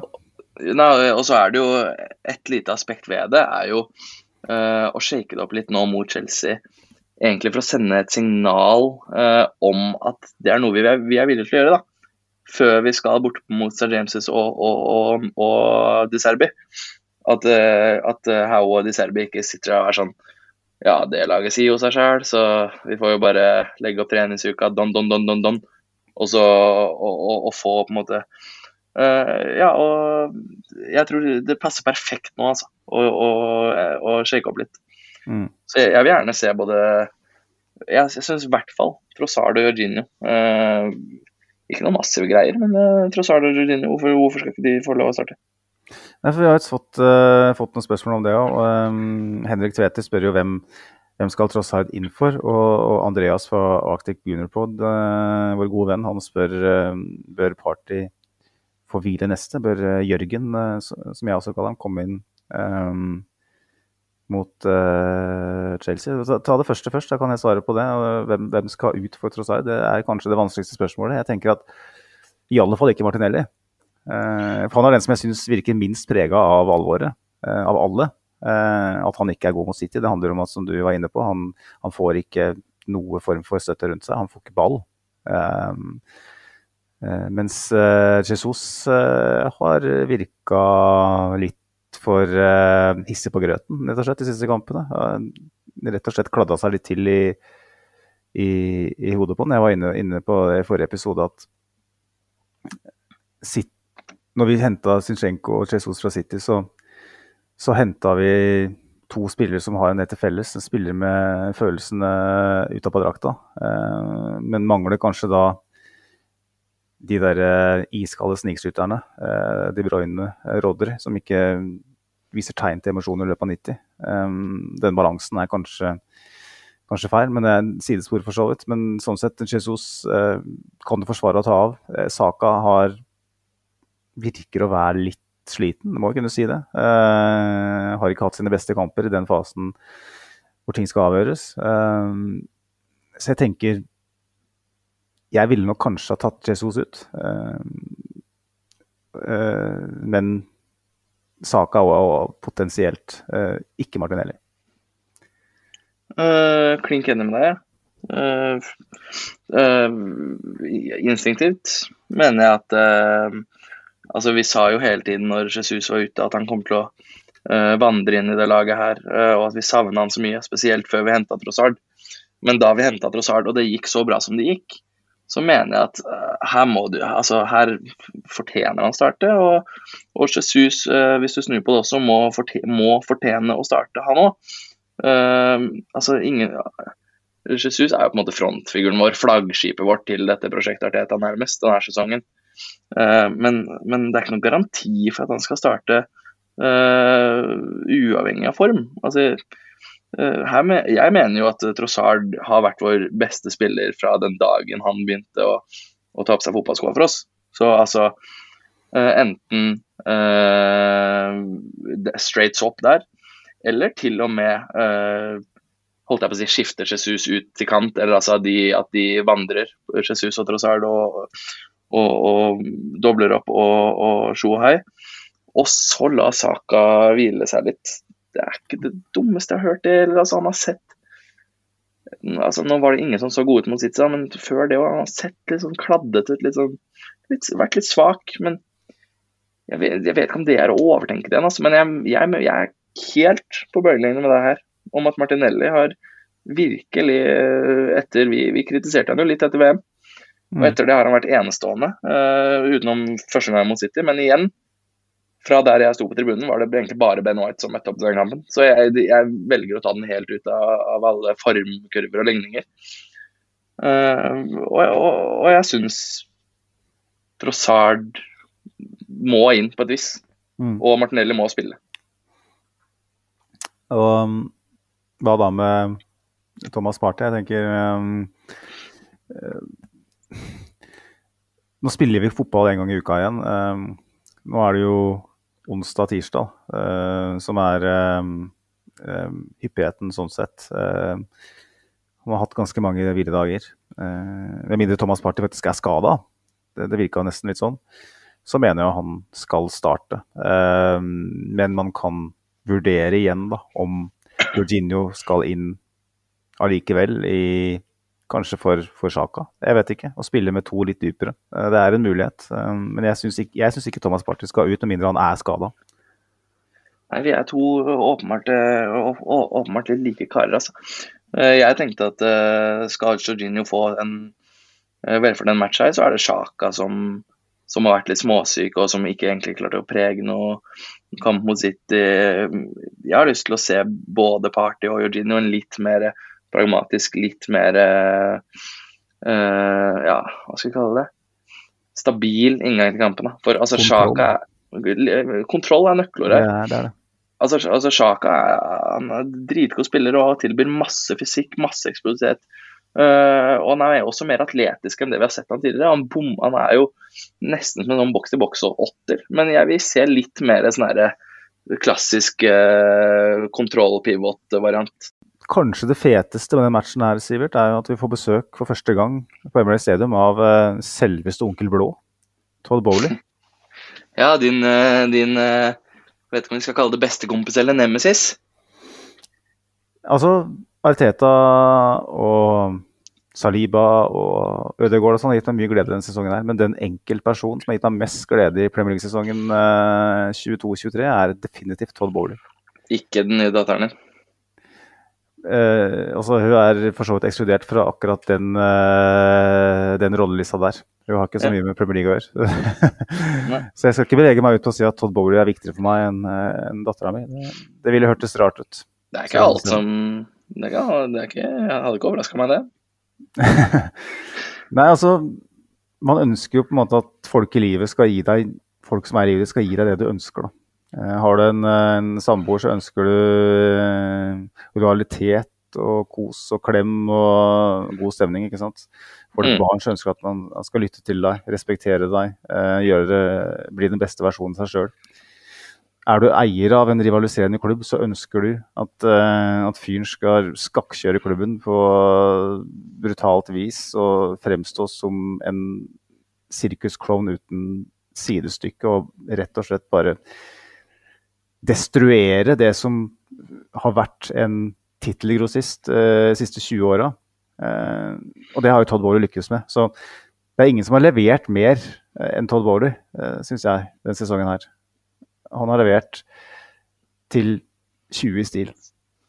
Seks ja, på terningen. Jeg, jeg, er ikke klin uenig. Altså. Han har gitt oss mye glede, han. Bare, bare, før jeg kjører min, mitt, Jeg har et åpent brev til Todd Bowley. Det er veldig kort, en veldig kort monolog. Jeg har ikke hatt tid til å forfatte noe sånn spesielt. Eh, men eh, før det så har jeg lyst til å spørre deg, Sivert. Liksom, han har kjøpt mange gode spillere. Eh, brukt mye penger, vist økonomiske muskler, vist at han har ambisjoner. men klarer du å ta fyren seriøst? Det tror jeg ingen klarer. Altså, jeg, jeg tar jo en sirkusklovn mer seriøst enn den karen der. Altså, trender du på Twitter, så henter jo Todd Bowley det. Eh, Chelsea har kanskje mer spennende akademiet. Eh, eller i hvert fall den mer spennende rekken unggutter i Europa, nærmest. Det har de hatt i en årrekke. Men uh, hvis han finner en sånn YouTube-compilation av det, så er det gjort. Da, da rykker du opp i køen. Og, og, han henter det han har lyst på, og så, og så får den manageren som da eventuelt velger å ta i det rotet der, bare sette sammen et tapasbord som funker helt greit. Men uh, altså, det blir jo Det er klart det blir vanskelig, da. Når du, uh, når du har retter som uh, burde bli uh, akkommodert av en spesiell rødvin, f.eks. Og så får du en manager som er som deg, som bare drikker Hansa-fat. Det, det er klart det klasjer litt, da. Jeg hørte jo på en uh, Shivads-episode i dag. Um, Tor Christian Karlsen og um, Frode Lia. Og Tor Christian Carlsen respekterer jeg veldig. Eh, har veldig peiling. Men han snakka jo om at Pochettino går inn i Chelsea til dekka bord. For at han har gjerne tre spillere i hver posisjon som han kan måtte velge å vrake. Han kan måtte bygge opp sin egen stall med det som allerede er der. Og da ble jeg litt skuffa, da. Jeg tenker, har ikke, har ikke Carlsen sett hva slags kontrakter som blir eh, delt ut der. Det er ikke bare å si til Mudrik med åtteårskontrakt eller en, en um, Enzo Fernandez som vel nå har ni og et halvt eller hva det er, at um, sorry, vi henta det for fem måneder siden, men Porcetino vil ikke ha deg. Uh, da er du i kjempetrøbbel, ikke sant? Altså, det er det som jeg ikke helt forstår, da. Den uh, den, den, vinkelen som enkelte har, også veldig oppegående fotballmeningsbærere eh, har, at, at Pochettino kommer inn med en ung spillergruppe hvor han har på en måte alle mulige verktøy, hvor han kan bygge sitt eget lag. Så har de ikke tatt hensyn til, til nettopp det. Da. At de har, de har altså så lange kontrakter. altså det, det er så mye økonomisk bundet opp i de spillerne. Både når det gjelder lønn og eh, overgangssummer som da skal betales over kontraktsperioden. Da. At hvis man på en måte ender en situasjon hvor man ikke klarer å kvitte seg med de spillerne, eh, så finnes det heller ikke noe handlingsrom. De har allerede budsjettert med Champions League, eh, som for meg er kanskje det mest surrealistisk av alt at, man, at, det er mulig å gjøre det når man skal endre på så mye. Når man henter en prosjektmanager som Graham Potter, og så budsjetterer du med at han skal komme til, til Champions League, og spesielt i januar, når du allerede ligger kjempelangt bak. ja, jeg blir bare glad av å høre på deg. Jeg syns det er hyggelig. han er jo Og jeg har ikke begynt monologen din ennå, Sivert, men han, han det, det, plager meg da, at, at det finnes oppegående sjeler der ute som forsvarer det her. Um, jeg klarer, jeg klarer, ikke å skjønne det. Eh, Paul Merson er jo kanskje den som bommer oftest uh, av de som sitter i Sky Sports-studio. Det sier jeg med kjærlighet til Paul Merson. Jeg husker han som spiller. Uh, og han er jo en, om ikke legende, så iallfall et Arsenal-ikon. Uh, men han sier jo veldig mye rart. men i dag så sa, eller var det i går, han sa at Chelsea er den verst drevne fotballklubben i fotballhistorien. Og det, det er svulstig å si. Det er mye rart som foregått. Og altså, det er, det- er et par uh, eksempler å ta der, for å si det sånn.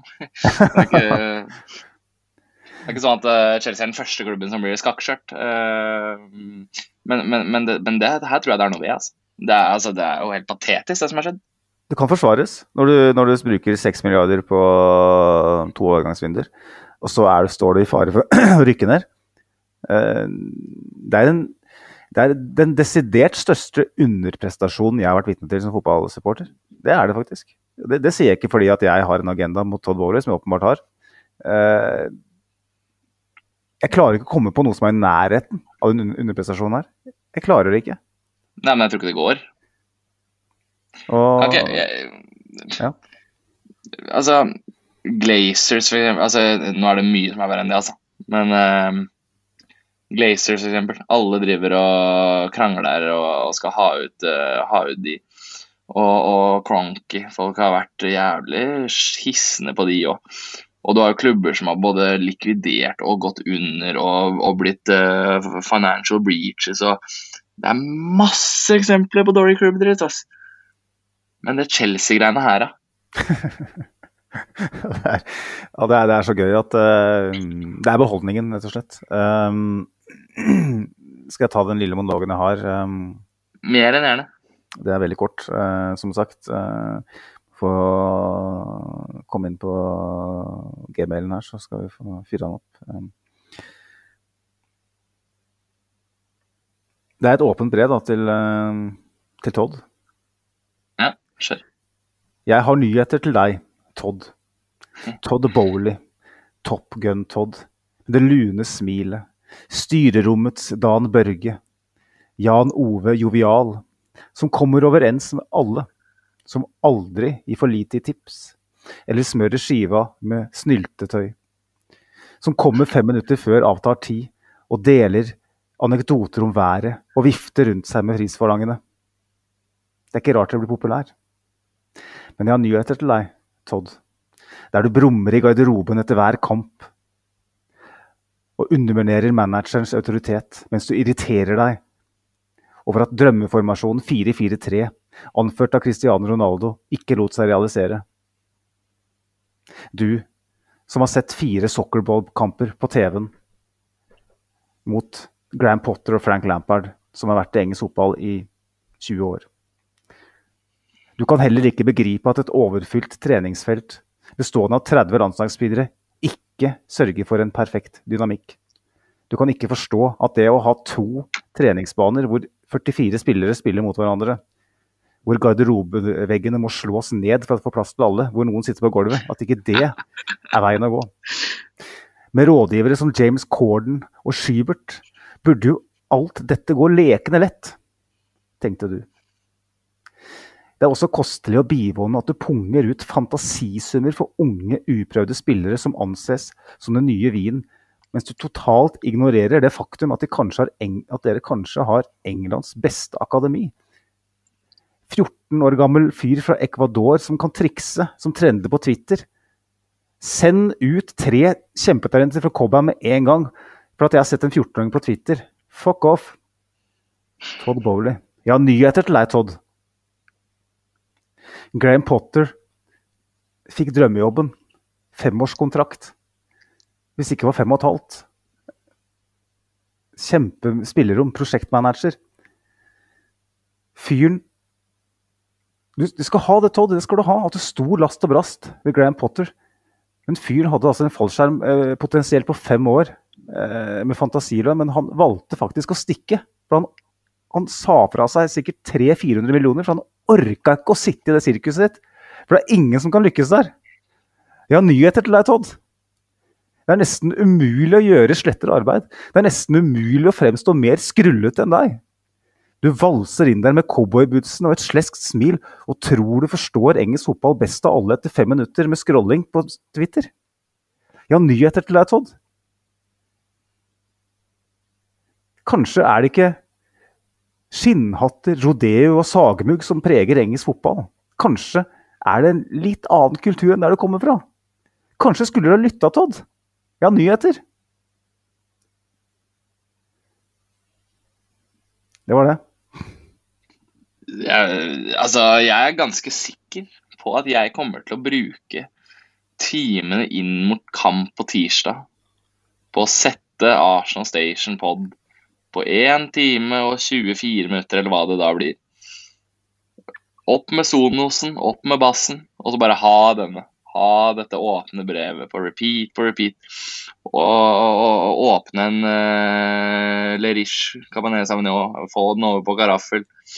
La den, og, og, lufte den og kose meg med dette åpne brevet. Og så begynner studio før kamp, og jeg gidder ikke sette det på, for jeg bare har dette åpne brevet om hvor idiot Todd Bowley er. Og det er klart Vi topper opp øh, og, og, og, ordner en seier. Altså, det, det, den kampen her kommer vi ikke til å tape.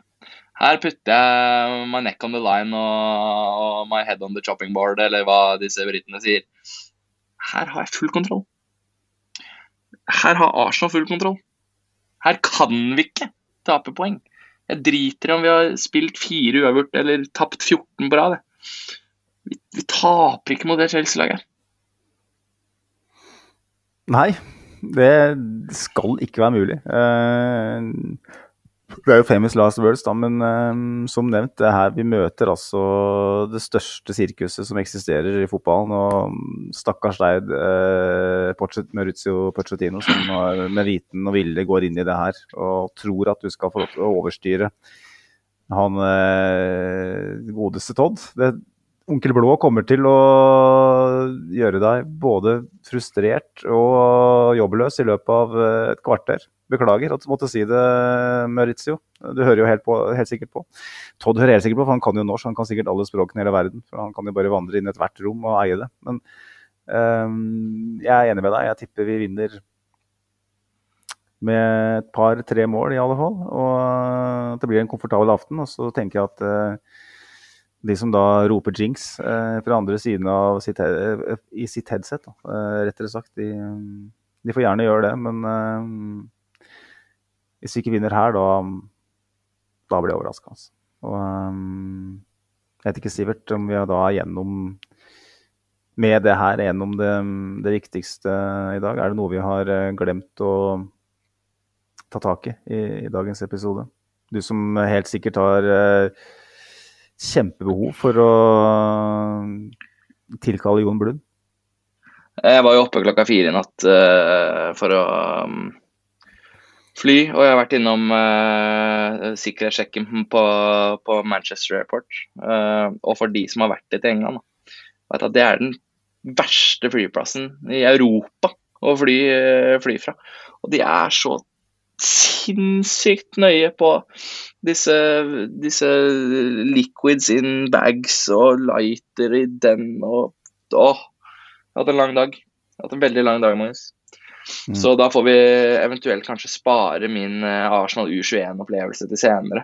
Ja, ikke sant. Der har vi den. Uh, men, men, jeg er brukt opp, altså. Jeg, jeg, jeg, jeg er Jeg trenger åtte og en halv time på øyet nå, før hverdagen kaller igjen. Før lærebøker og og Pinot Noir går i en sånn salig blend sammen med litt uh, humpende Arsenal-resultater. Og jeg trenger å spise laks og pasta igjen.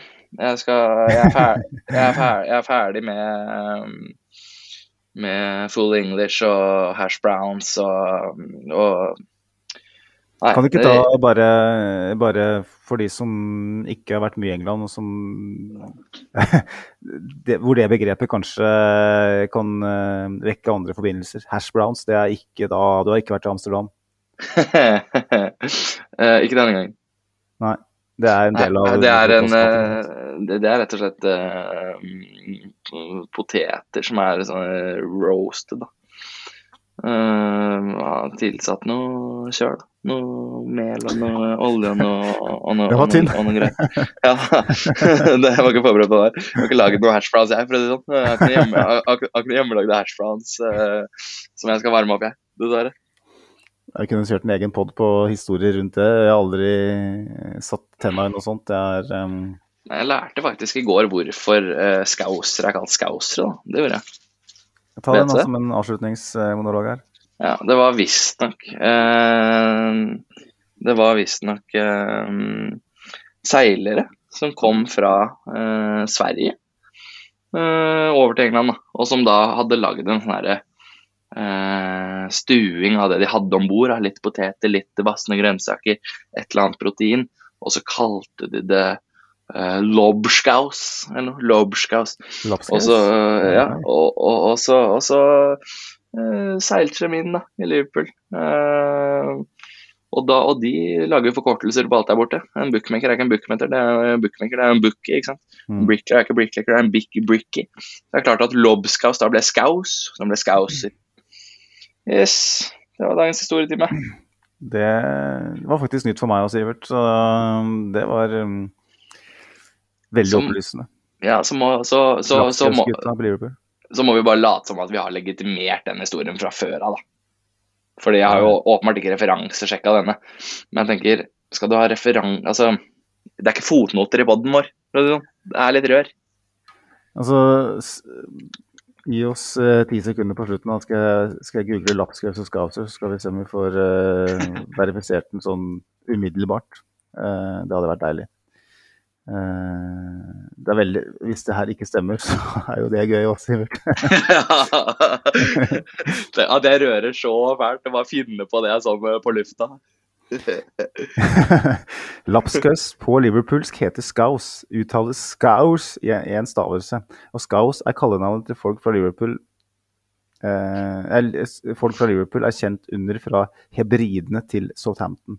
En person fra Liverpool er stolt når noen kaller ham en skaus. Og de fleste vet at tilnavnet kommer fra en norsk matrett. De fleste vet det, faktisk. Og her sitter jeg og har fulgt eh, engelsk fotball hele livet. Det er så deilig. Dette er, dette er, rett og slett såkalt allmenn kunnskap, Magnus. og du sitter her, vet du, med skjegget i postkassa og lurer på faen, eh, dette kan ikke stemme. Jo da, det stemmer. Lobskaus. Lobskaus. Ja, her, den episoden her ble jo en liten lapskaus òg, sånn sett. Uh, jeg, jeg, jeg, må beklage for alle som har jobba seg gjennom halvannen time med meg nå, for jeg er ør i huet. Jeg syns du presterer usedvanlig godt, Sivert. I dag har du vært helt uh, ypperlig. Og mm, for meg Problemet. som har sittet hjemme i, i, Norge og vært uh, kjip så det å få en som har sovet så lite og opplevd så mye, og være så, så på, det har vært en glede. Ja, jeg har kost meg i dag. Jeg har det. Eh, jeg er veldig glad i den podkasten her. Åpenbart. Vi er jo tilbake eh, ikke allerede etter Chelsea. Vi vurderte jo å podde etter eh, City. og tanken Egentlig så kan vi ikke gjøre det pga. livssituasjonen. Jeg har ikke kapasitet til å sitte til ett-to på natta og podde midt i uka. Men jeg sa jo da at hvis vi vinner, så tar vi faen meg podde litt. Det blir for drøyt og ikke, klarer ikke å sove uansett. Men eh, Chelsea-kampen eh, tenker jeg at eh, det skal mye til at vi podder etter den. Eh, så naturlig nok så er vi vel da tilbake etter Newcastle. Det er vel søndag, er det ikke det, Sivert? Eh, problemet, problemet mitt er jo at jeg skal i konfirmasjon på søndag. Uh, så jeg er nok utilgjengelig for den der Chelsea-Newcastle-episoden.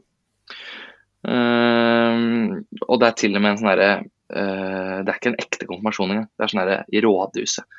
Og nå skal ikke jeg bli verken politisk eller religiøs her, men det, det holder ikke for meg. Den, den eh. praten, den, uh, den, Jeg tenker den lapskauspraten uh, runder det bedre. Nei, altså, Livssyn og sånn. Det er bra folk skal skru av nå uansett, for jeg tror de driter i hvor jeg konfirmerer meg. Det kan vi godt ta en egen episode om i sommer, når, vi, når det er tørt på overgangsmarkedet. Uh, men um, ja. når, Rice har gått til Chelsea, og vi har ikke noe annet å snakke om enn at jeg, enn at jeg var i kirken. Men da er det vel meg igjen, sikkert. Altså. Og det, det paradokset her, Sivert, eh, er jo at eh, det er Som tobarnsfar eh, og ekstremt hektisk liv, så er det jeg som har færrest forfall i den poden her. Ja, du er jo Men du er jo den Du er jo sikkerheten sjøl, da. Du er jo Granit Chaka, du. Det Ja, er jo jævlig bare- kjedelig liv, da. Så bare sitte hjemme og by- bygge vogga. Og så Ja, unnskyld meg, men tror du jeg Er det gøy liv å dra i konfirmasjon? Det kommer litt an på det, selvfølgelig. Men uh, det, er, det er ganske spesielt, Ja, syns jeg, at, øh, det, det,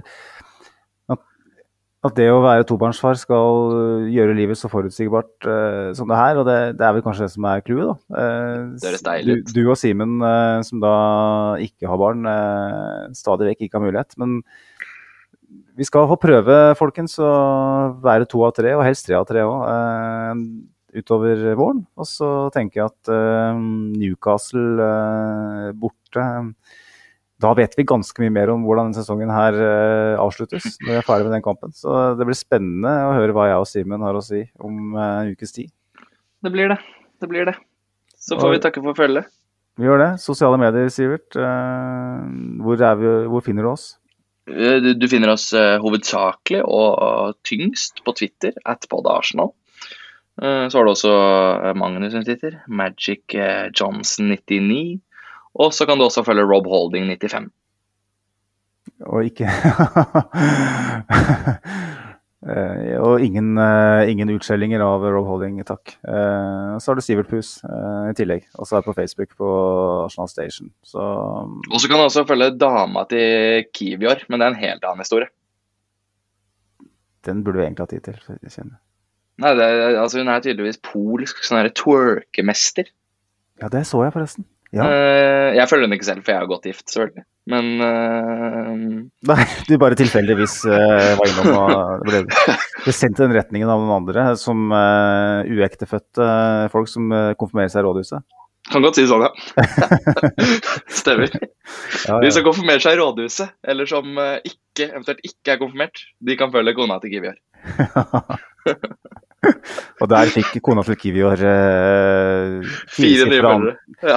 firesifra antall nye følgere, får si. For vi er litt cocky sånn sett.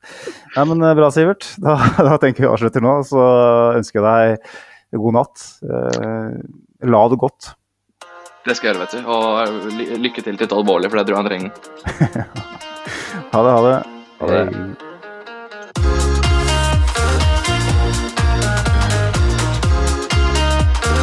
This train terminates here.